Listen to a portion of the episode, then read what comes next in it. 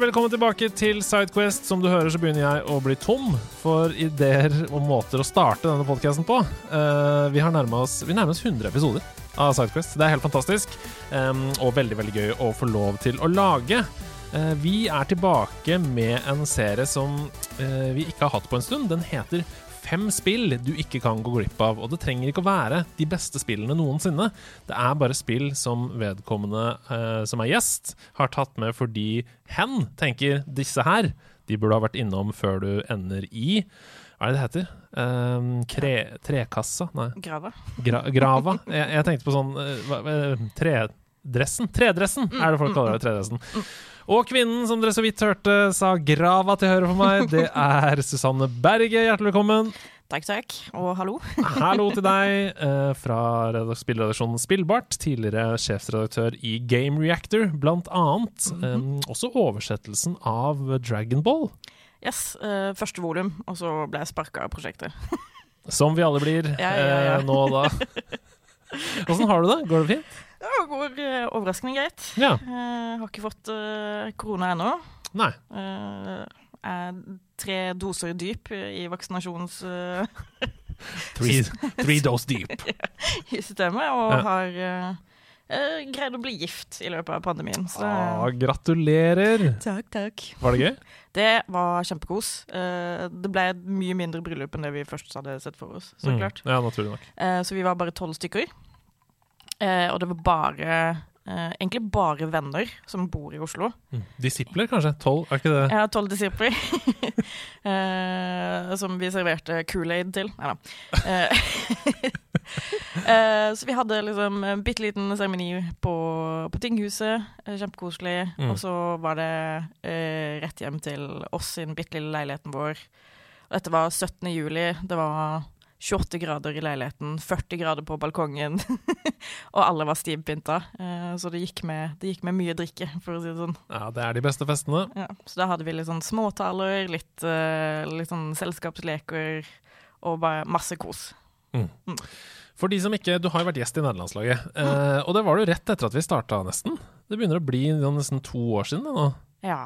Um, det var veldig hyggelig den gangen. Mm. Um, for de som ikke kjenner deg fordi de enten har blitt demente siden denne episoden ja, altså det er godt mulig, det. Ja, det kan skje. Det har vært to år med pandemi, liksom. Jeg husker ikke hvordan livet var Nei. før pandemien. Um, hva, driver du med til vanlig? Hvem er du? Uh, til vanlig eh, Nå jobber jeg som uh, tegneserieansvarlig på Nordli Eldorado. Eh, For en drøm! Ja, ja, altså jeg stortrives. Det er himla, himla gøy. eh, spesielt å kunne på en måte forme tegneserieutvalget utvalget til Nordli, da. Mm. Som er en ganske sånn mainstream bokhandelkjede. Men nå har de gjort De har egentlig headhunta meg til å jobbe for dem og gitt meg denne rollen. Og så har de gitt meg litt frie tøyler på en del andre sånn områder også, blant annet fancy og science fiction. Mm. Eh, så jeg storkoser meg med å bare liksom finne nye ting og bestille, og liksom eh, glede meg til at ting dukker opp, og jeg kan sette det ut i hyllene og liksom vise det frem til folk som kommer innom, da. Nei, det høres veldig gøy ut. Vi har jo eh, ekstremt mange dyktige serietegnere i Norge. Mm. Eh, vi har hatt besøk av flere av dem her. Jenny Jordal, blant annet. Um, ja. Er det hovedsakelig norsk utvalg, eller er det internasjonalt du går på? Um, jeg prøver å få til en ganske grei blanding, Mm. Uh, for det er, det er mye gøy som blir gitt ut i Norge, men mm. eh, det er også mye gøy som blir gitt ut andre steder, som, eh, som den gjengse eh, Nordli-handler, holdt jeg på å si, kanskje ikke er så kjent med, da. Mm. Ja, det er gøy. Mm. Jeg, jeg merker at jeg trenger en sånn um, tegneserie Hva heter det? Um, guide, en sånn konnoissør sånn som kan gi meg sånn uh, utvalg av Mm. sånn Disse fem må du lese før du dør. Kanskje det er en annen Kanskje det er en annen Sidequest? Det, det hadde vært veldig kult. Ja, Mm. Dere hørte det først. Det kommer en annen Sidequest med fem tegneserier du må lese før du dør, litt seinere. Men nå skal vi snakke om TV-spill. Eh, og vi skal Jeg har notert Eller jeg har eh, organisert spillene som du har tatt med i kronologisk rekkefølge, så vi begynner med det eldste. Og det som er så vakkert, det er at det ligger fysisk uåpna foran deg på pulten. Du har tatt det med hit. Jeg snakker om action adventure-spillet fra eh, 20. august 1999 til PC. Drakon Order of the Flame.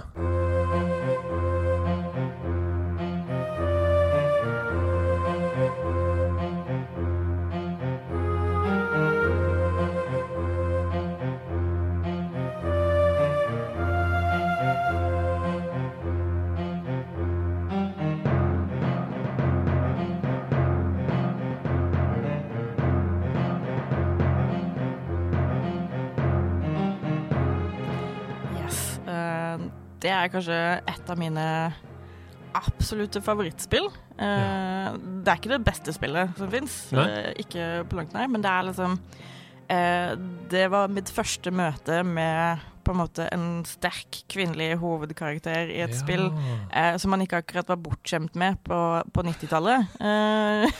Eh, På ingen som helst måte. nei, eller sånn generelt. Mm. Uh, 2022 blir et veldig bra år for det Mm. med tanke på spillene som kommer ut i år. Men uh, på den tida så var det litt sånn Shit, dette er en, en, en jente, liksom. Uh, Mm. Og jeg var vel 1999, hvor gammel var jeg da? 13-14. Så i mine formative år, og så kunne på en måte se seg selv eh, i et spill, riktignok en eh, eh, litt eldre, uh, rødhåra og mer lettkledd eh, versjon av seg selv, men, men det var veldig kult. Og så var det i tillegg et spill en type spill som jeg ikke hadde spilt før. Altså action-eventyr. eh, mer eh, vold og gørr og litt skummelt fordi du har liksom monsterfiender du må slåss med, og så eh, var det liksom et helt nytt system å sette seg inn i, og så var det på engelsk i tillegg. eh, og på det tidspunktet så var ikke jeg eh, like dreven i engelsk som jeg er nå. Uh, og så fantes det jo ikke walkthroughs eller guider på liksom Du kunne jo ikke google det til hvordan du skulle komme videre i det spillet. Så det var liksom timevis med prøving og feiling, rett og slett. Det- Akkurat det der har vi ja. liksom snakket en del om i nederlandslaget. Mm. Det um, fenomenet eh, pre-internett. Det var jo guides og sånn som uh, man kunne kjøpe i, i magasiner i butikken, men Mm. vi var jo små troll. Vi hadde jo ikke uh, råd til det. Vi hadde heller ikke mulighet til å uh, være så flinke at vi tenkte så langt at man kunne spare opp ukepenger, f.eks., for, eksempel, for å kjøpe seg PlayStation Magazine. Ehm, så vi skjønner jo ikke den dag i dag hvordan vi greide å runde f.eks. Ocarina of Time. Som er så, altså Noen av puzzlene der er så komplekse. Og det er bare sånn Vi skjønte ikke en døyt engelsk. Vi må bare trykke A på alle piksler i hele spillet. Ja, det er, og det er det samme med, med Drakan. Jeg har spilt det på nytt i nyere tid. Uh, den eska her var jo en gave fra min mann. Uh, bursdagsgave. Den er veldig flott. Kan jeg se på den? Så jeg har det liksom i fysisk uh, Mint condition, inbox uh, Mm. og hele pakka. Og så har jeg en, en, holdt opp en rippa versjon da, på PC-en min, eh, som man kan kjøre eh, ved å bare surre på veldig mye ducktape og håpe på det beste. Eh, det krasjer hele tida, men det er faen så gøy. Det, altså, bare for å beskrive coveret litt, så ser det ut som en veldig sånn Tomb Raider, Lara Croft-inspirert hovedperson, som sitter med et stort great sword, eh, two-handed der også, eh, oppå en drage som spruter ild. Og på baksiden så er det noen bilder av gameplayet, eh, og det ser jo litt ut som Kanskje ja, det ligner litt på God of War, de første spillene. Litt sånn med Hudden nede i venstre hjørne der, som har en eh, HP som tømmes som en slags kar eh, etter hvert som man mister liv. Og hun eh, skyter med pil og rir på drager. Ja, det er jo det, det kuleste med hele spillet, er at du, du finner jo denne dragen, Airhawk, som du på en måte bonder med, da. Eh, og blir en, en dragerytter, og så kan du fly på den gjennom hele spillet. Og denne Mm. dragen utvikler seg jo etter hvert, som du Oi! kommer til nye liksom, områder, områder og bekjemper nye bosser og får liksom nye angrep. Så du starter med ild, men også får du syre etter hvert, og så får du is, og så får du elektrisitet og sånne ting. Ok, Det er litt sånn RPG-elementer òg, da. Mm. Eh, og det er, det er kjempegøy. Um, Men sånn, det, det, er jo en veldig enkel historie, på en måte. Det går ut på at uh, broren til denne hovedkarakteren, Ryn, da, uh, blir uh, kidnappa av en gjeng med sånn Wartalks, heter de. Uh, minner om orker eller trollocks. Uh, og så drar hun ut på tokt for å finne han, da. Uh, og på veien så møter hun denne dragen som hun bonder med. og når man bonder med en drage, så er man på en måte forbundet via livs livsgnisten sin, eller whatever. Så hvis hun dør, så dør han. Hvis han dør, så dør hun. Ah. Mm. Oi, nei. Det kan romme mye veldig trist. Ja. Eh, så du må liksom passe på at uh, Du må passe på at det går bra med dragen din, på en måte. Uh, mm. Og så farter du rundt i, i, denne verden, da, som er veldig kul. Du får møte masse forskjellige liksom, biomer, om man skal kalle det, og litt sånn snåle karakterer. Uh, ikke at det er så mange av dem, for det er en ganske tom verden, sånn egentlig.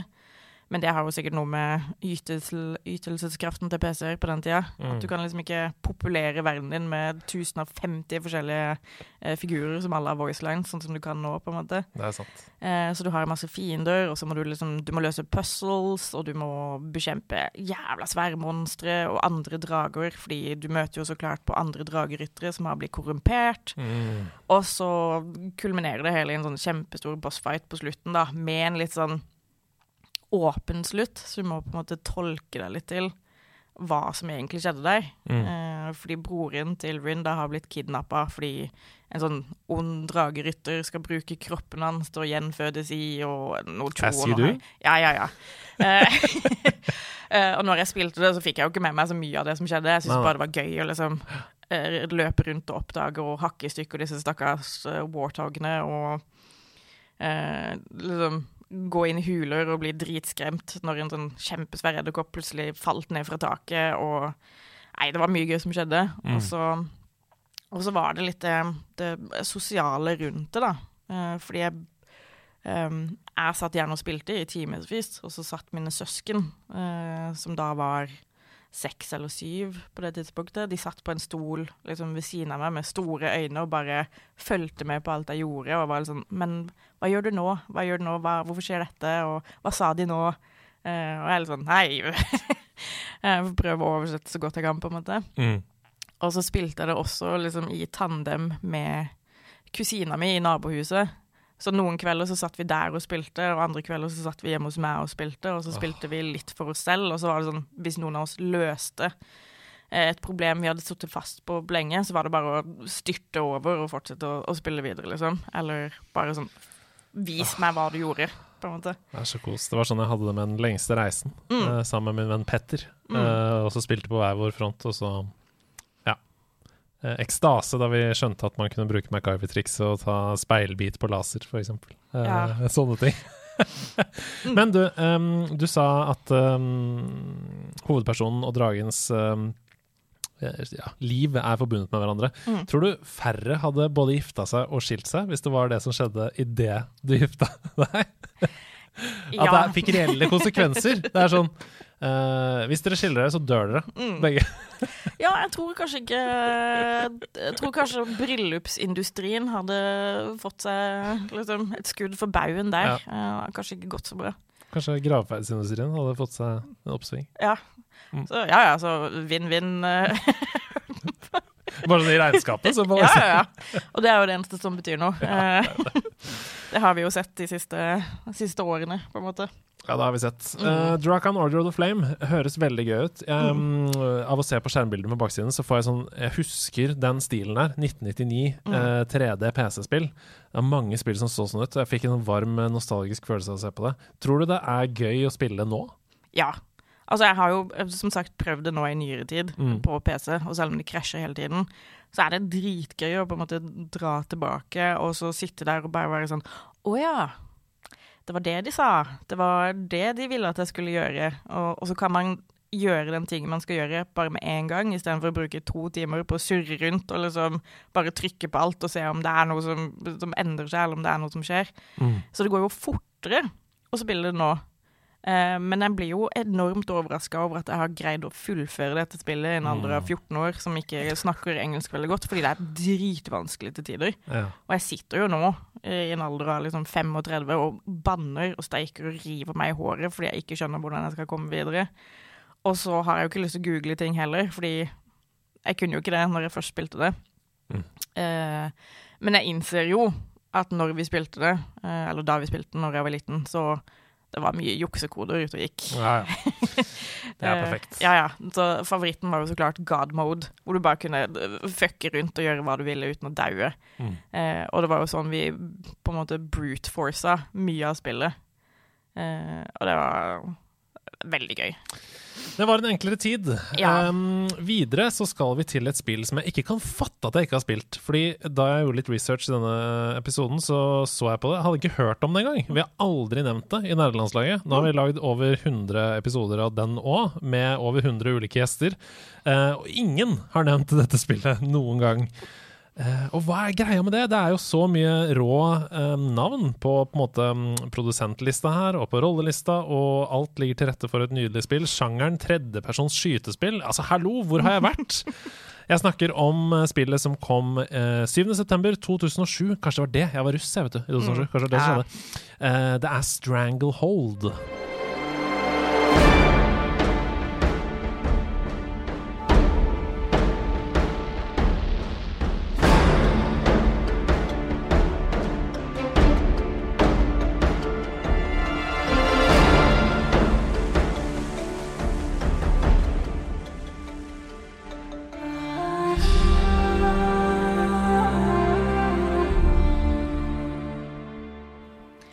Yes. Uh, Stranglehold er noe så spesielt som en, en spilloppfølger til en film. Ja, for det er det jeg fant ut. Mm. Den er en oppfølger til en, en film fra 1992 som heter Hardboiled, med Show Yun Fat i hovedrollen som Inspector Tequila igjen. Uh, og den er regissert av uh, John Woo, som kanskje er bedre kjent for Nicholas Cage-klassikeren Face Off. Mhm. Um, men han lager, han lager jævla mye kule filmer, Mm. og de har, en, de har en viss estetikk, da, om man kan kalle det sånn. Uh, mye mye slow-mo, mye Mm. liksom langdradde skytekamper med, hvor man kaster seg bakover, og man sklir på ting, og liksom duer flyr opp i lufta, og det er liksom fjær, og det er liksom veldig pompøs musikk, da. Mm. Uh, og det har de greid å gjenskape i Stranglehold, Nice. eh, hvor John Woo er produsent, da. Ja, det er jo litt sånn Dette er jo sånn um, eh, Tom Clancys Rainbow Six. Her Mm. står det jo 'John Woo presents Stranglehold' Yes. på coveret, som du nok en gang har tatt med! Yeah. Fysisk.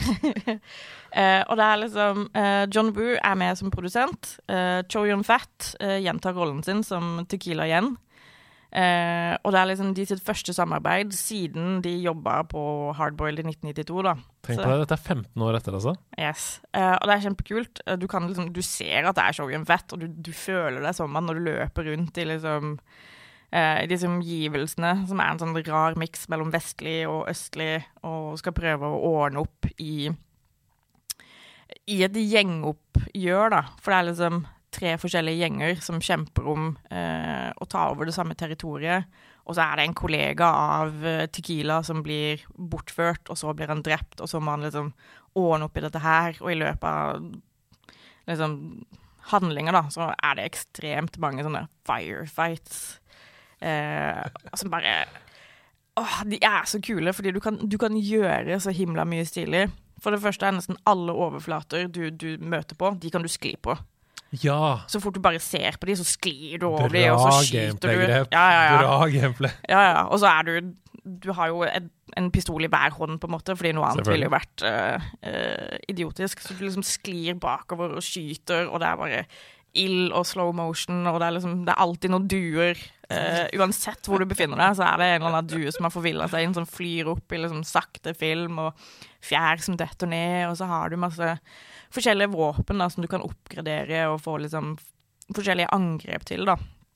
Og mye av det er jo så klart fokuser, fokusert på at tida sakker ned, og så kan du gjøre kule triks. Men er det en ability? Er det sånn som bullet time i Max Payne, eller er det Uh, ja, jeg tror nok uh, godeste gutta i Remedy har henta en del inspirasjon fra Både fra filmene til John Boor, men også fra Stranglehold. Mm. Uh, og det er jo Nei, eh, jeg kom over det ved en tilfeldighet, når det fortsatt liksom fantes spillbutikker man kunne vandre inn i og kikke på, på fysiske spill. Og så tenkte jeg bare hva faen er dette her for noe, og så plukka jeg det med meg, og så spilte meg og min bror gjennom det i løpet av en helg, og det var så jævlig gøy. Det er bare Det er helt sprøtt. Eh, men du føler det som om du er i en John Boor-film, og det, det er en følelse jeg ikke har fått i mange andre spill, på en måte. Mm. Max Payne kommer veldig nærme, Mm. Fordi de har jo lånt en del av liksom estetikken, da. Men det er kanskje litt mer sånn gritty og mørkere og ah, Det er så synd på meg, jeg er Ja. alkoholisert. Og kona mi, og uh. Men Tequila, altså Inspector Tequila er bare Han er bare en kul dude, liksom. Ja, ja. Eh, alt han gjør, er kult. Han er liksom Han er chill, men han er også veldig opptatt av å liksom gjøre jobben sin bra og eh, hedre minnet til kollegaen sin og sånne ting. Men han er ikke sånn derre nå må jeg drikke litt, å ja, nei, å, livet er så fælt. Han er mer sånn tjo hei, nå Nå kjører vi. Ja. Nei, jeg ser den. Um, det fikk jo veldig gode um, uh, ja, anmeldelser, eller i hvert fall uh, det, god reception. Jeg kom ikke på noe god mottagelse. Mm. God mottagelse da det kom. Eh, ligger rundt åtte av ti, sånn generelt. Mm. Um, det er jo bra. Ja. Jeg ser liksom den eneste En kritikk som er på en måte gjennomgående eh, fra de forskjellige anmeldelsene, er jo at spillet er for kort. Ja. Det varer jo ikke spesielt lenge. Nei, du sa du spilte gjennom på en helg, ja. Mm. ja. Det er litt som de som kjøper Call of Duty for singleplayer campaign, i Mm. hvert fall for en stund siden, som er sånn oi, over på seks timer. Ja. Og så må jeg vente et år på en ny singleplayer campaign. Ja, ikke sant. Um, så det er liksom Men det er, det er så mye kult ved det, og musikken er så bra, og det er Ja. Det er liksom, Hvis man liker filmer som Hardboiled og The Killer og kanskje eh, Police Story med Jackie Chan, da, eh, så er dette spillet for deg. Og også hvis du syns det er gøy med litt den absurde humoren og slåssinga i liksom Yakuza-spillene. Mm. Spill Stranglehold.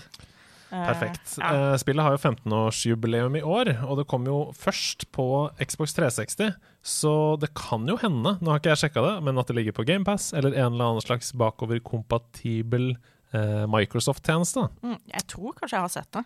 Wow. Eh, og det skulle jo egentlig få en oppfølger kalt uh, Gunrunner, Mm. men eh, det gikk litt sånn litt i dass fordi Midway, som er de som har lagd eh, spillet, gikk jo konkurs i sin tid. Eh, så det ble det jo aldri noe av. Mm. Men det har blitt lagd en film basert på spillet Stranglehold, som er basert på filmen Hardboiled. eh, eh, som kom ut for en stund tilbake, da. Jeg har Ja. ikke fått sett den ennå, men jeg tror den er passe, passe teit, Mm. men gøyal. Ja, det er perfekt. Vi trenger egentlig generelt mer ting i livet som er teit og gøyalt. Um, så det høres ut som et superbra tips. Mm. Vi skal videre til nok et uh, spill som har slipped between my cracks, uh, som er jo helt eh, Er det lov å si? ikke lov å si, men det har skjedd. Jeg kan ikke si noe annet enn at det er det som har skjedd. Jeg skjønner ikke at jeg ikke har spilt dette spillet. Nok en gang. Jeg har spilt Alan Wake, jeg har spilt Control. Så hvorfor har jeg ikke spilt Quantum Break?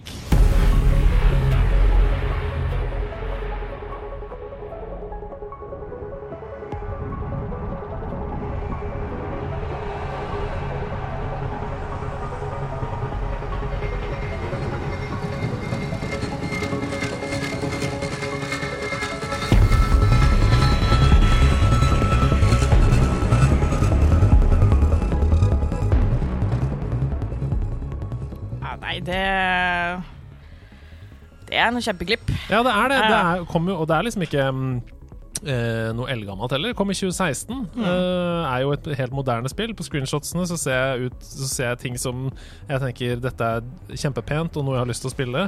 Jeg ser en karakter som bruker timestop to defeat enemies, og tenker hva er det jeg driver med? Hvorfor har jeg ikke spilt dette spillet? Fortell. Quantum Break 2016. Ja, Quantum Break er på en måte stoppet mellom Alan Wake og Control. Da. Du ser, hvis du har spilt Quantum Break, så ser du veldig tydelig eh, inspirasjon fra det i Control, som er jævlig kult spill, Mm. eh, som jeg digger. Men jeg tror kanskje jeg syns Quantum Break er bedre. Kult. Eh, det starta originalt som en oppfølger til Alan Wake. Mhm. Eh, men så ville Microsoft ha en helt egen IP som de kanskje kunne bygge videre på, og liksom promotere på en annen måte enn bare en oppfølger, da. For det er ikke alltid oppfølgere gjør det like godt, på en måte. Eh, host, host, Dragon Age 2. Eh, host. Det skal vi snakke mer om i en annen episode. ja. Um, og det er et uh, Det er jo ja, Remedy som har lagd det. Mm. Uh, og det er Det handler om Og det er vanskelig å forklare plottet, fordi man må ha liksom en hel uh, powerpoint-presentasjon og plansjer og liksom eh, basically være Charlie Day i uh, It's Always Sunny Ja, in Philadelphia. ja. når Han skal finne ut hvem Pepe eller Silva er. Ja. Eh, men det handler om eh, Kort og godt om tidsreising. Mm. Og det er jo et, et action-adventure-spill, bare for å etablere det med en gang, Mm. med tredjepersonperspektiv, sånn som for eksempel Control, da. Ja. Eller God of War, for den saks skyld. Yes. Det har Ja, så det er det tredjepersonsspill uh, hvor du har Du kan skyte masse eh, med forskjellige våpen. Veldig gøy. Men du har også eh, tidsrelaterte evner, da. Så du kan stoppe tid, du kan bevege deg fortere, du kan på en måte blaste folk i, i trynet, og du kan lage liksom et tidsskjold og Mm. sånne ting. Um, og det handler om at uh, en fyr har lagd en tidsmaskin, uh, og så fyrer han den i gang. Eh, denne fyren heter Paul Serene, blir spilt av Aiden Gillen, Mm. eller Littlefinger fra Game of Thrones. Eh, og så går det litt til helvete, og så eksploderer han eksploderer tidsmaskinen, og så setter han i gang, gang liksom en sånn chain of events, da. Et hendelsesforløp som eh, kommer til å på en måte kulminere i the end of time. Mm. Han har eh, i bunn og grunn liksom ødelagt tid, da, med dette eksperimentet sitt, og på en måte gjort et, eh, et break i liksom the quantum realm. Mm. Eh, og alle som har sett uh, Antman, for eksempel, kjenner jo til the quantum realm. Mm. Eh, og så går spillet ut på at man skal prøve å fikse det her, da. Men du som hovedkarakter, eh, Jack Joyce, eh, har litt andre tilnærminger til hvordan man burde fikse det, enn det Paul Serene har, da. Så Paul Serene blir jo den store skurken i spillet. En av henchmennene hans er Hatch, som blir spilt av Lance Reddick, som er fuckings terrifying. Uh, han er så kul, uh, og han gjør en kjempebra rolle i, eh, i Quantum Break. Og når jeg sier at Mm. folk gjør en kjempebra rolle, så gjør de det bokstavelig talt også, fordi Quantum Break er både et spill, men det er også en TV-serie. Eh, og tingene du gjør i spillet, påvirker hva som skjer i TV-serien. Mm. Eh, det kan være småting, som at du finner noe som heter quantum ripples i spillet, og så påvirker du de. Eh, og det kan være supersimpelt. Du slår av en bilalarm, eller du flytter en stol. Eh, og når du da spiller av neste episode, så er det en fyr som prøver å sette seg ned, og så tryner han fordi noen har flytta på stolen. Eh, eller det er noen som ikke får med seg at bilen har blitt brutt inn i fordi du har slått av bilalarmen. Den type Mm. ting. Det er litt interessant, jeg må bare stoppe deg, fordi ehm, jeg hadde tenkt å spørre deg om det i stad. Mm. Det er jo ofte sånn, hvis man snakker om å frosse tid i ehm, ja, litteratur eller film eller ehm, kultur, da, Mm. Så er det jo to varianter man ofte går for. Enten så er det at du kan frosse tiden, men Mm. du er den eneste som kan bevege deg rundt i det universet. Mm. Alt annet er fast. Eller så er det du kan frosse tiden, og du kan flytte på ting og manipulere eh, universet. Sånn at f.eks. hvis noen skyter mot deg, så kan du stroppe tiden, og så kan du hente personen og sette foran sin egen kule. Starte tiden igjen, sånn at vedkommende skyter seg selv. Mm. Uh, og den andre varianten er litt mer fjasete ofte. Men uh, hvordan er det sånn det er i dette spillet? At du kan manipulere objekter og ting? Um, ja. Um, de, de går vel mest for liksom den første varianten. Ja, At du fryser tida. Mm. Uh, og, eller tida fryser av seg selv fordi eh, Paul Serene har fucka opp uh, the time space continuum. Mm. Så du opplever noe som kalles for time stutters, Mm. ved at uh, tiden blir uh, usynkronisert, da. Mm. Så eh, ting eh, og objekter og mennesker beveger seg usynkront, så du får Ja. liksom sånn stutter-effekt. Det er jævlig Oi, kult. det er spasa. Ja, eh, men du kan på en måte bevege deg trygt Mm, gjennom disse støttene, fordi du har blitt utsatt for store mengder chrono-radiation, Mm. som er det som gjør at du kan på en måte reise og forflytte deg i tid. Um, så de går liksom for den første biten, tiden Mm. står stille, men du beveger deg. Og Ja. kan på en måte uh, klatre på ting og løse puzzles og sånne ting på å liksom bruke disse tidsevnene dine, da. Mm. Uh, men det som er eh, kult med spillet, sånn tidsreisemessig, fordi tidsreiser er alltid problematiske, fordi folk ikke for det første helt skjønner hvordan tid fungerer, og ikke helt skjønner hvordan kausalitet fungerer. Eh, nå, nå skal vi bli litt tekniske, men det er det som er kult med Heng med. Heng med. Quantum Break. Um, ok, så um, Sam Lake og tre andre forfattere har på en måte skrevet dette manuset hvor de vil at visse ting skal skje eh, i historien. Og så har de sendt manuset til en, um, en professor ved University of Helsinki som også har jobba for CERN, hvor de annet har The Large Hadron Collider. Eh, og han har gått over manuset og på en måte gitt en tilbakemelding på hvor ting bryter med de reglene vi har for Ja, tidsreiser i dag, gøy. basert på kvantemekanikk og kvantefysikk.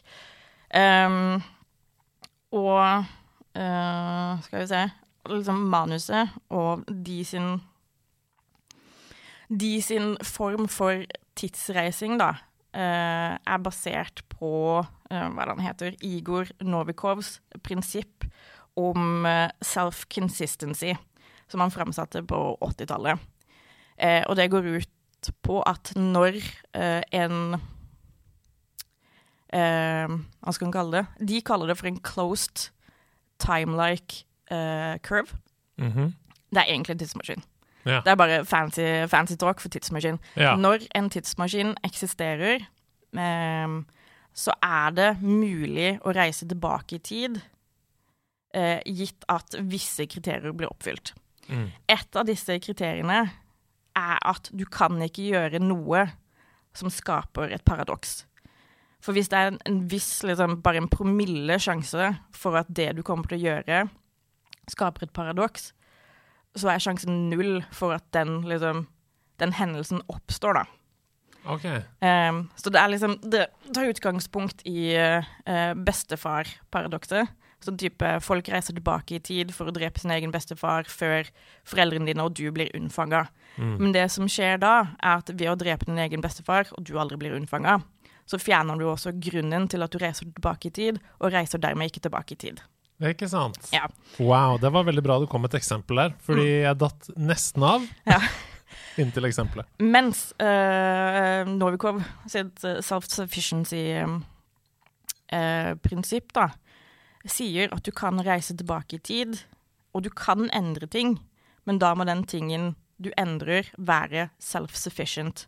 Ja. Altså, den har alltid eksistert. Eh, og det du gjør da, ved å skape en endring som ikke skaper et paradoks, da skaper du noe som heter en causal loop, Mm. eller en eh, kausalitetssløyfe.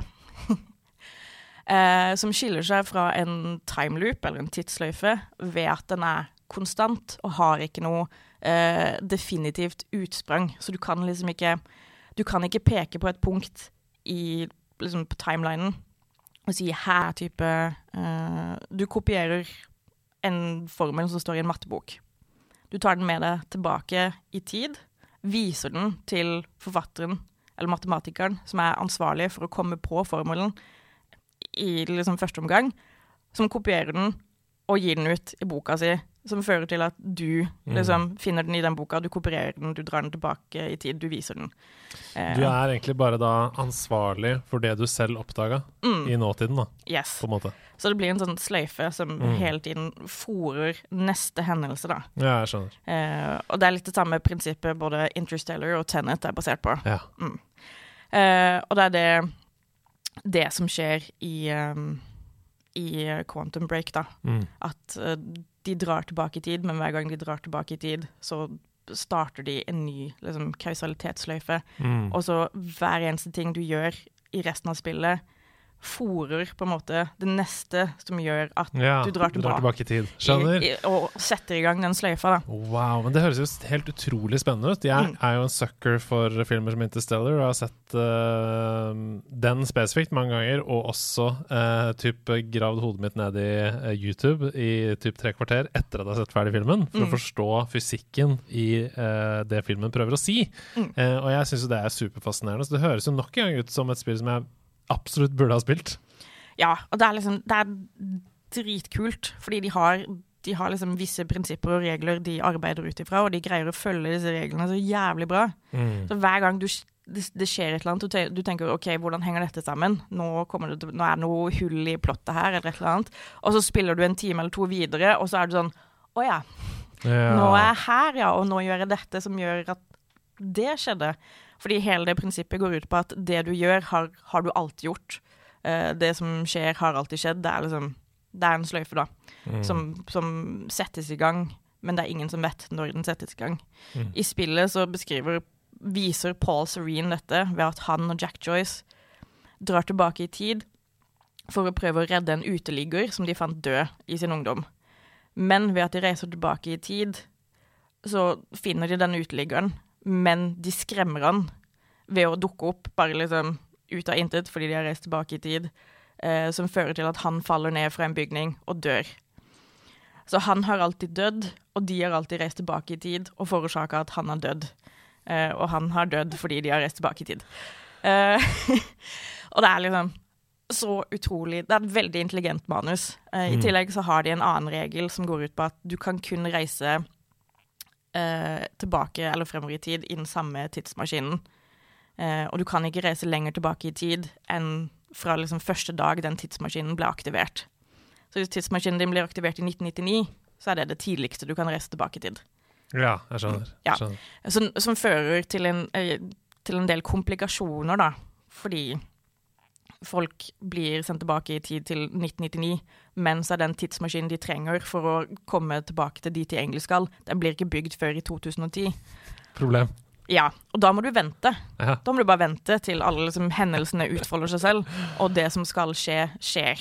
Og det skjer jo med en av karakterene i Quantum Break. Mm. Hun blir stuck i tid og må vente i elleve år på at du Mm. skal dukke opp og gjøre det du skal gjøre for at hun skal komme til dit hun trenger å være Wow. om x antall år, liksom. Det skjer jo også delvis i Interstellar, eh, Ja. når man reiser ned til en planet der hvor tiden oppfører seg annerledes, Mm. og um, vedkommende som blir igjen i romskipet, blir 30 år eldre, mens eh, de er nede på overflaten. Ja, og det, det konseptet er så fucka. Mm. Og det er, det er, de har gjort det på en veldig kul måte, og du får skikkelig vondt av denne karakteren. Mm. Eh, så hvis du Ja, det blir veldig som den karakteren i Interstellar, da, Mm. som, som blir stuck på dette denne romstasjonen. Mm. Men det minner også en del om Dark, da, og alle de loopene du må Ja, gjennom der, ja. og folk som må vente i liksom 30 år før de kan gjøre sin del av loopen for at ting skal skje sånn som de alltid har skjedd, som de skal skje, fordi de har skjedd sånn. Jeg føler at vi kunne hatt en helt egen sidequest om Quantum Break, eh, Mm. men vi må videre, og da fra ett spill som er åpenbart ekspert på naturens lover, og lager underholdning eh, på vegne av den. Eh, et annet spill som er ekspert på eh, medmenneskelige lover, eh, og hva som oppstår um, ja, sosialrealistisk. Et av de aller beste spillene jeg har spilt noen gang. Jeg klarer ikke å slutte å tenke på det. Um, og jeg kommer til å spille det igjen. Det er Disco Elysium.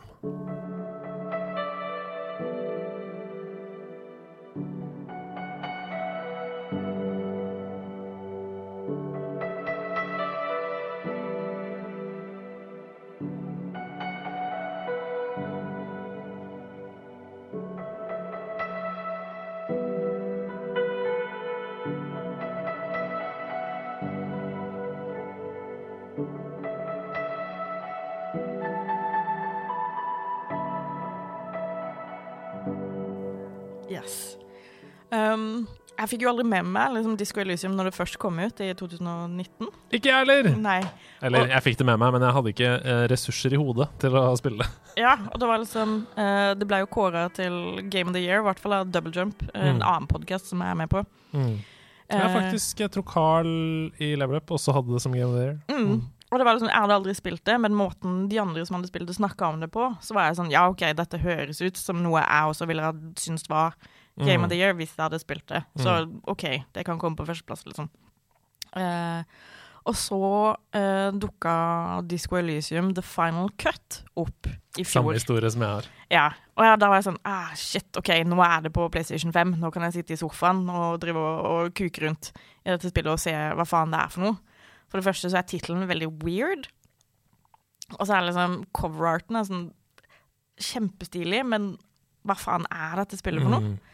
Eh, og så setter du i gang, eh, og så våkner du opp i et hotellrom, eh, fyllesyk som faen, eh, og husker ingenting fra kvelden før, og så skal du bare prøve å eh, nøste opp da, i disse trådene. Mm. Du kan dø allerede der. Mm, og det gjorde jeg. Jeg. Jeg døde av hjerteinfarkt fordi jeg skulle strekke meg etter slipset som hang på den vifta. Og så må du begynne på nytt, fordi det er jo permadeath på en Mm. måte i spillet. Så du begynner på nytt. En ny karakter, selv om det er den samme karakteren.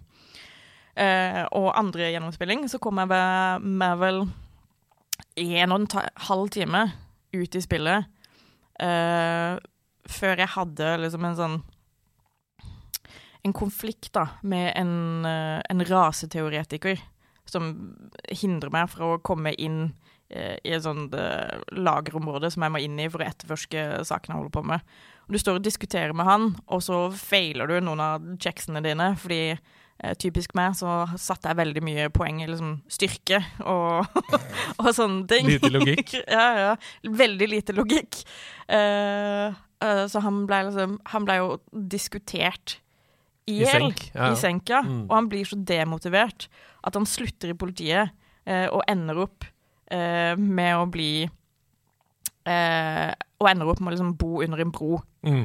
Og så måtte jeg begynne på nytt. Ja, ja. Eh. Og for de som ikke har fått med seg dette fordi de har bodd under en bro de Mm. siste årene og ikke hørt på Nederlandslaget eller noen andre podkaster um, Disko Elysium er et RPG eh, som forholder seg til eh, reglene fra f.eks. Dungeons and Dragons-universet. Mm. Eh, du kaster en terning for å klare ting, eh, og jo mer poeng du har investert i et skill-tre, jo lettere er det å klare de terningkastene. Um, for du må da komme over et visst tall ikke sant? for å få godkjent på en ting du ønsker å gjøre. Så for eksempel, si at du, eh, du står under et tre da, og ønsker å strekke deg etter noe som henger i det treet. Da, kan du fortsatt, da må du også kaste terning for å se om du klarer det eller ikke. Og hvis du da har investert nok i f.eks. flexibility, hvis det hadde vært en egenskap, Mm. så hadde du kanskje klart det med færre tall på terningen enn hvis du hadde eh, ikke investert i det treet. Mm. Så sånn er det universet fungerer. da. Ja, Og så kan du jo så klart påvirke eh, utfallet til terningene, og hvor mange poeng du trenger for å liksom greie den sjekken, da, ved å Mm. enten ta dop eller drikke deg til mot, eller et eller annet Mm. sånt. Eller ved å finne ut ting i forkant, Mm. for eksempel, som er um, eh, hva heter det, optional ting, som gjør at det blir lettere å klare ting. Mm. Fun fact, eh, akkurat det du sa, vi snakka om det i forrige episode av Nederlandslaget, det, det at du kan uh, ta uh, enhancing drugs i spillet, gjorde at det ble banna i Australia. Ja, stemmer det. Men altså, Australia sitt sånn board of entertainment, tjo og hei, de er jo sånn ute av touch med alt som foregår i verden rundt seg. Så Det ble unbanna da, bare Mm. etter noen måneder, etter en glødende forsvarstale av spillets eh, produsent. ja. Eh, Men ja, OK, fortsett. Du døde på det andre playthrough. Eh, Mhm. hva er det som er så vakkert for deg med Disco Elysium? altså, det er mye. For det første er stilen liksom kjempekul. Det er helt ulikt noe jeg har sett i Mm. hele mitt liv, egentlig. Og for det andre, i hvert fall i The Final Cut, hvor du har liksom full eh, Alle karakterene har stemmeskuespill, så har de greid å få tak i så enormt mange dyktige stemmeskuespillere. Mm. Eh, og spesielt de som har stemmene til liksom, De indre stemmene da, til Mm. han eh, politidetektiven. De er, de er så kule, og de gir på en måte hele spillet veldig sånn overnaturlig følelse. Mm. Som bare blir forsterka av andre hendelser og bare hele historien rundt. Fordi Elysium er en jævla weird plass. Mm. Og det skjer mye rart der. Og den er liksom Verdensbygginga er kjempekul, men det skal ganske mye til før du faktisk skjønner hvordan ting henger sammen. Eh, Du må snakke med ganske mange folk, og du må liksom trykke på alt og utforske alt og, og tjo og hei. Men så spillet kan jo være helt, liksom, helt vanlig, og ikke noe overnaturlig skjer i det hele tatt. Du er en politimann, du skal løse en sak. Du klarer det eller ikke. Ferdig. Ja. Eh, men hvis du bruker litt tid, da, eh, og utforsker, og kanskje besøker en, en gammel kirke hvor det er noe sånn rart lydfenomen, så kan du få til en veldig kul konsert og et veldig kult sånn overnaturlig fenomen, eller du kan Hvis du hjelper en sånn weird-ass forsker med å prøve å finne et uh, fabelvesen eh, Jeg gråt så mye Ja, av den historien. Den er så bra. Eh, Mm.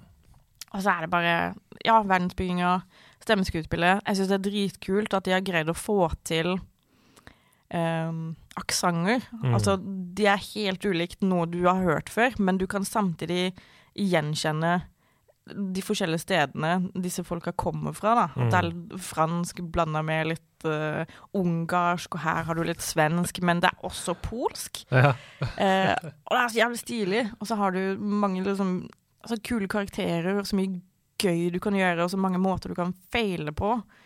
Uh, og det at man bare kan liksom mislykkes 100 eh, er så i tråd da med denne karakteren du spiller. Fordi Mm.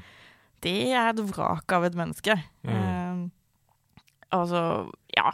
Det er bare så mye du kan gjøre, og så mange muligheter, og måten de forteller historier på, er enormt spennende. Og selv om det eneste du egentlig bare sitter og gjør, er å trykke på ting og høre folk snakke, eller lese ting, så er det liksom Det er det mest engasjerende spill eh, jeg har spilt i hele mitt liv, liksom. Ja. Uh, så det er bare det, Ja, det er så mye som gjør det spillet bra, da. Mm. Jeg er helt enig. vanskelig å peke på liksom én ting. Uh, så det er, det, er, det er bare Det må spilles. Uh, og når jeg endelig liksom runda det, så endte jeg opp som en sånn superkommunist som tok navnet liksom Tequila eh, Sunrise eller et eller annet sånt. Og blei med i et eh, kollektiv og noe greier. Det er liksom altså, mye som kan skje. Mm. Ja, nei, det er veldig individuelt hva det er som skjer i løpet av spillet. Om Mm. du klarer ting eller ikke klarer ting, og også hvordan du, som du sier da, hvilken ideologi du følger, og hvordan du ender opp på slutten. Mm. Eh, men jeg var helt tom inni meg da det var over, og spesielt den siste timen syns jeg var skikkelig vanskelig. Fordi jeg skjønte at jeg var på vei mot slutten, og jeg ville ikke dra derfra. Jeg Mm. ville ikke forlate universet. Um, og det førte til veldig mange sånn emosjonelle øyeblikk for meg, fordi ja, det telte på en måte ned da, uh, mot det å si farvel. Eh, og jeg uh, følte at jeg kjente alle, og de var mine venner, og nå skulle vi ikke være venner lenger. Så så, så sterkt inntrykk uh, satte det spillet på meg. Mm. Men det er jo så klart et spill som ikke er uten problemer, da, hvis man kan kalle det det. Det er i hvert fall Det lider litt av det man kan kalle for horefobi, da.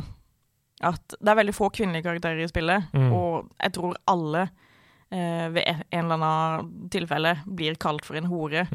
Enten fordi de gjør ting som ikke følger planen til mennene, eller fordi de rett og slett ikke er likende nok eh, og, og gjør som de blir bedt om, på en måte. Eh, som jeg syns er litt, litt unødvendig i en fantasiverden, på en måte. Mm. At man egentlig kan holde seg litt for god for det. Og så er det en, en del av hovedhistorien som er skikkelig kjip. Um, og det er når uh, Harry holdt jeg på å si, og Kim, da, som er kompanjongen til Harry, skal undersøke det som er en angivelig voldtekt. Ja. Og måten de tilnærmer seg den situasjonen på, er helt Mm. fryktelig. ja, det er ikke bra. Det er Ja, helt de, sant. de tramper så hardt i klaveret der, og de er så lite liksom De mangler så mye empati. Mm. bare spørsmålene de stiller, og hele pakka. Det er jo Ja. en um, østeuropeisk forfatter her, Mm. uh, fra Estland. Mm. Er, er, finner vi svaret der, eller? Altså, det, det kan godt være Ikke for å være stereotypisk og Mm. fordomsfull, men det er jo en del issues med den typen temaer som vi snakker om nå, Mm. eh, i Øst-Europa. Jeg har selv eh, vært en del i Polen. Eh, da jeg gikk på Westerdals, eksempel, så var jeg en måned i Polen og skrev eh, en, eh, et filmmanus. Mm. Um, og det er jo helt umulig eksempel å være både mørk i huden eller eh, homofil Mm. i Polen. Um, og en av mine gode venner var det på den tiden, og det var et problem. Eh, Mm. Han studerte til å bli eh, lege i Lublin i Polen, eh, og måtte flytte. Og studere et annet sted. Fordi det var umulig for han å komme inn på utesteder. Det var umulig for han å kjøpe ting i butikken. eh, som medisinstudent, homofil, mørk i huden. Mm. Så ja, disse fordommene kommer fra et sted. Det er det jeg prøver å si. Ja. Uh, ja, så det er nok Det kan godt være at det er noe kulturelt betinga, ja. Ja. Eh, Ikke at det forsvarer det, men uh, spillet i seg selv er et mesterverk, syns jeg. Uh, og jeg har ikke tenkt på Jeg var nok ikke så mm, Jeg ble veldig sugd inn i det, ikke sant? Og, Mm. og føler også at man er jo i en slags dystopisk verden når man er der. Mm. Så at man tilnærmer seg på den måten, tror jeg kanskje jeg bare kjøpte som en bit av det liksom mørke, gritty stedet vi er i, da. mm. Um, mm. Men ja, altså, jeg vil jo anbefale spillet ut allikevel, på en måte. Ja, ja, ja. Men med en liten content warning. Absolutt. For hvis du har vært i den situasjonen selv, så tror jeg akkurat den biten av spillet kommer til å være helt jævlig. Ja, det tror jeg også. Mm. Det er jeg helt enig i. OK, vi går videre til uh, det siste spillet på lista di, som Mm. er Og det er noen fine broer her, fra liksom en tekstuell uh, opplevelse, da, uh, som peprer deg full av historiefortelling, til den kanskje den mest visuelle opplevelsen jeg har spilt på veldig lenge. Og mitt Game of the Year Mm. fra 2021. Eh, jeg gråt, jeg lo, jeg koste meg så forferdelig mye, og jeg følte meg som den råeste fyren i hele universet. Snakker om The Artful Escape.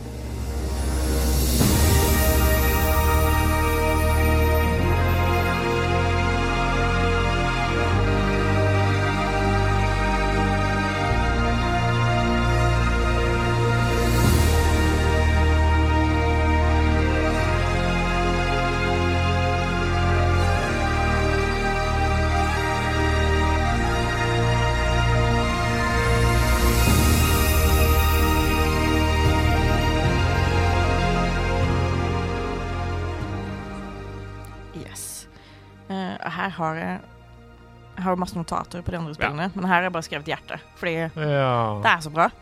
Jeg har jo snakka i hjel om dette spillet, så nå Mm. tenker jeg at du bare kan få snakke.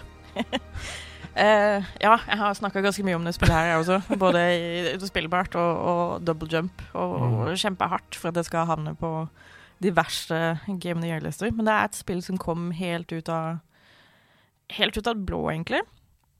Eh, jeg, jeg visste ingenting om det på forhånd. Jeg tror jeg bare så en kjapp liksom, teaser eller trailer på en eller annen sånn spillevent.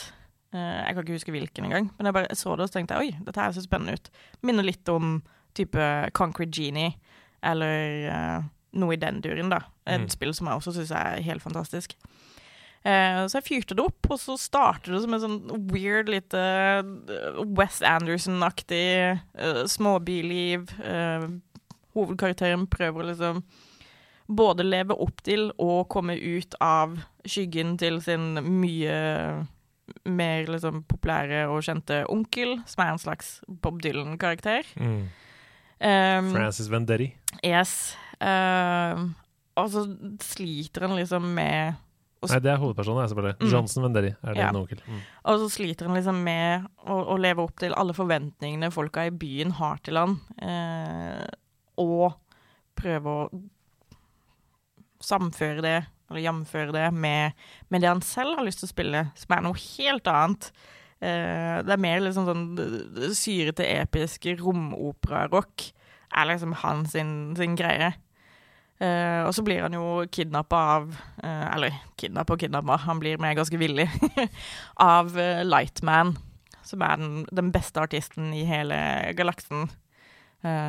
som er stemmelagt av um, Carl Weathers. Eller Apollo Creed, for de som er eh, Rocky-fans.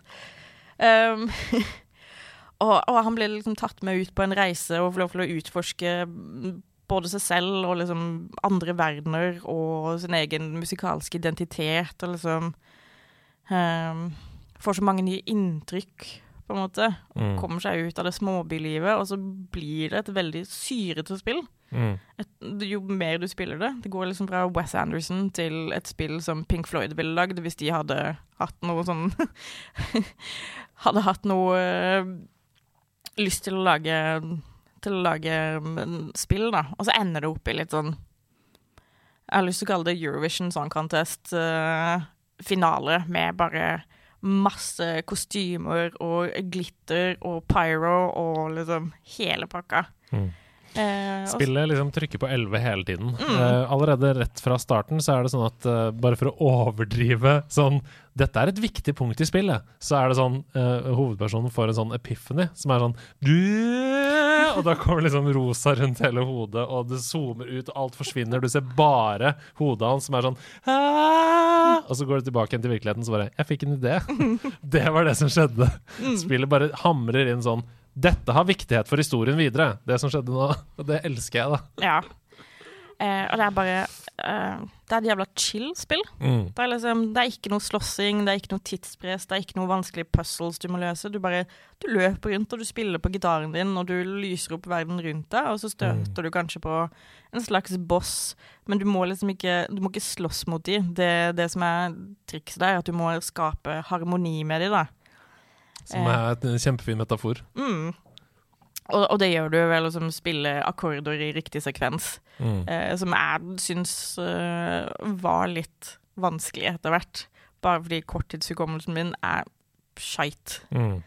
Eh, så alle liksom, sekvenser som hadde mer enn tre kombinasjoner, da var jeg sånn Nei, faen, nå glemte jeg hva jeg skulle spille. Og så måtte jeg Mm. gjøre det om og om igjen. Men det var liksom Det gjorde ikke noe. Fordi det, det å bare trykke på disse knappene og skape denne musikken, var liksom eh, belønning i seg selv, da. Mm. Og så når du endelig får det til, så komponerer du et kjempestykke som er dritfint, og så sitter du der og griner, liksom. Ja.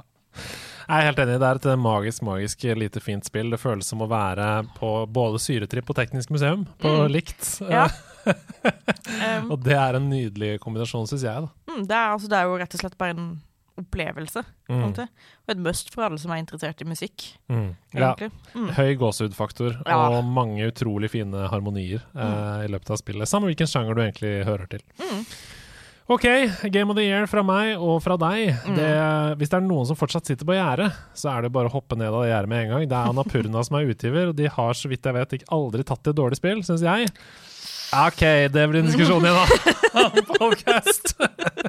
Men jeg er i hvert fall veldig glad i Annapurna. Um, og jeg er veldig glad i Johnny Galvatron, som er regissøren bak The Artful Escape. Um, så gå og spill det. Det er på GamePass, uh, folkens. Tusen takk for at du har tatt med deg fem spill. For en spredning! Og vi, Ja. altså, vi, vi har nesten snakka om en time. Det er helt fantastisk. Uh, jeg har um, Før jeg kom hit i dag, så satte jeg på nedlasting på Quantum Break.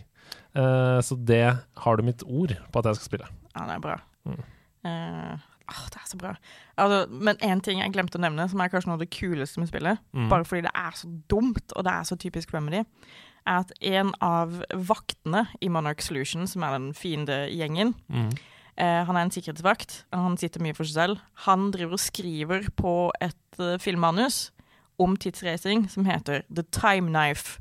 Og dette manuset kan du finne uh, ved å utforske de forskjellige uh, levelene da, i spillet. Uh, og når du har hele greia, så er det bare det, er det mest absurde tidsreiseplottet jeg har hørt i hele mitt liv. Fantastisk. Mm. Uh, Hett tips der hvis folk har lyst til å grave videre i Lauren. Mm. Tusen takk for at du kom, Susanne. Er det noe du har lyst til å plugge til slutt? Noe vi må sjekke ut? Som du jobber med, som du driver med? Uh, ja, nei, det er jo spillbart, da. Ja. uh, ta en titt på sida vår, please. Eller sjekk ut en stream. Vi har det veldig gøy, Mm. uh, syns jeg, da. Jeg var med på Game of the Year-kåringa før, um, før jul, eller var det etter jul? Husker ikke. Eh, vært- 1. januar. 1. januar. Mm. Det, ok, da, vi kaller det romjul, vi. Ja. uh, og det var veldig hyggelig. Veldig fin gjeng, så sjekk det ut. Ok, dere. Vi snakkes igjen om en uke, vi, her i Sidequest. Takk for at dere hører på. Takk for at dere følger nederlandslaget. Det er en drøm for meg, uh, og en glede for dere, forhåpentligvis. Ha det bra. Ha det.